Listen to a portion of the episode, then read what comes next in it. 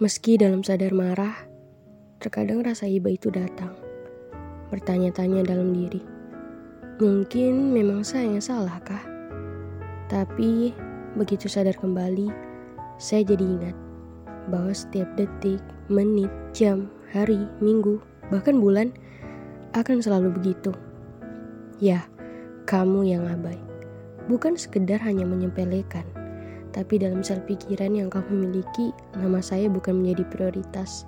Sebab dan bahkan hilang sampai sekarang pun, oke cukup. Mungkin sudah waktunya bahkan beberapa bulan lalu adalah momentum yang paling tepat untuk segera beranjak dari banyak pertanyaan yang bahkan memang tidak harus mendapat jawaban. Persis seperti buku novel pertama saya yang saya tulis pada tahun 2019. Kita hanya perlu menerima tanpa perlu banyak bertanya dan menjalani tanpa perlu banyak kata tapi. Ya, seharusnya.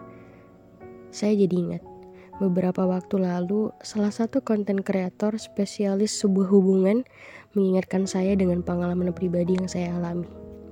Harusnya benar memang waktu saya bertanya, kamu masih mau bareng aku kan? Iya, persis.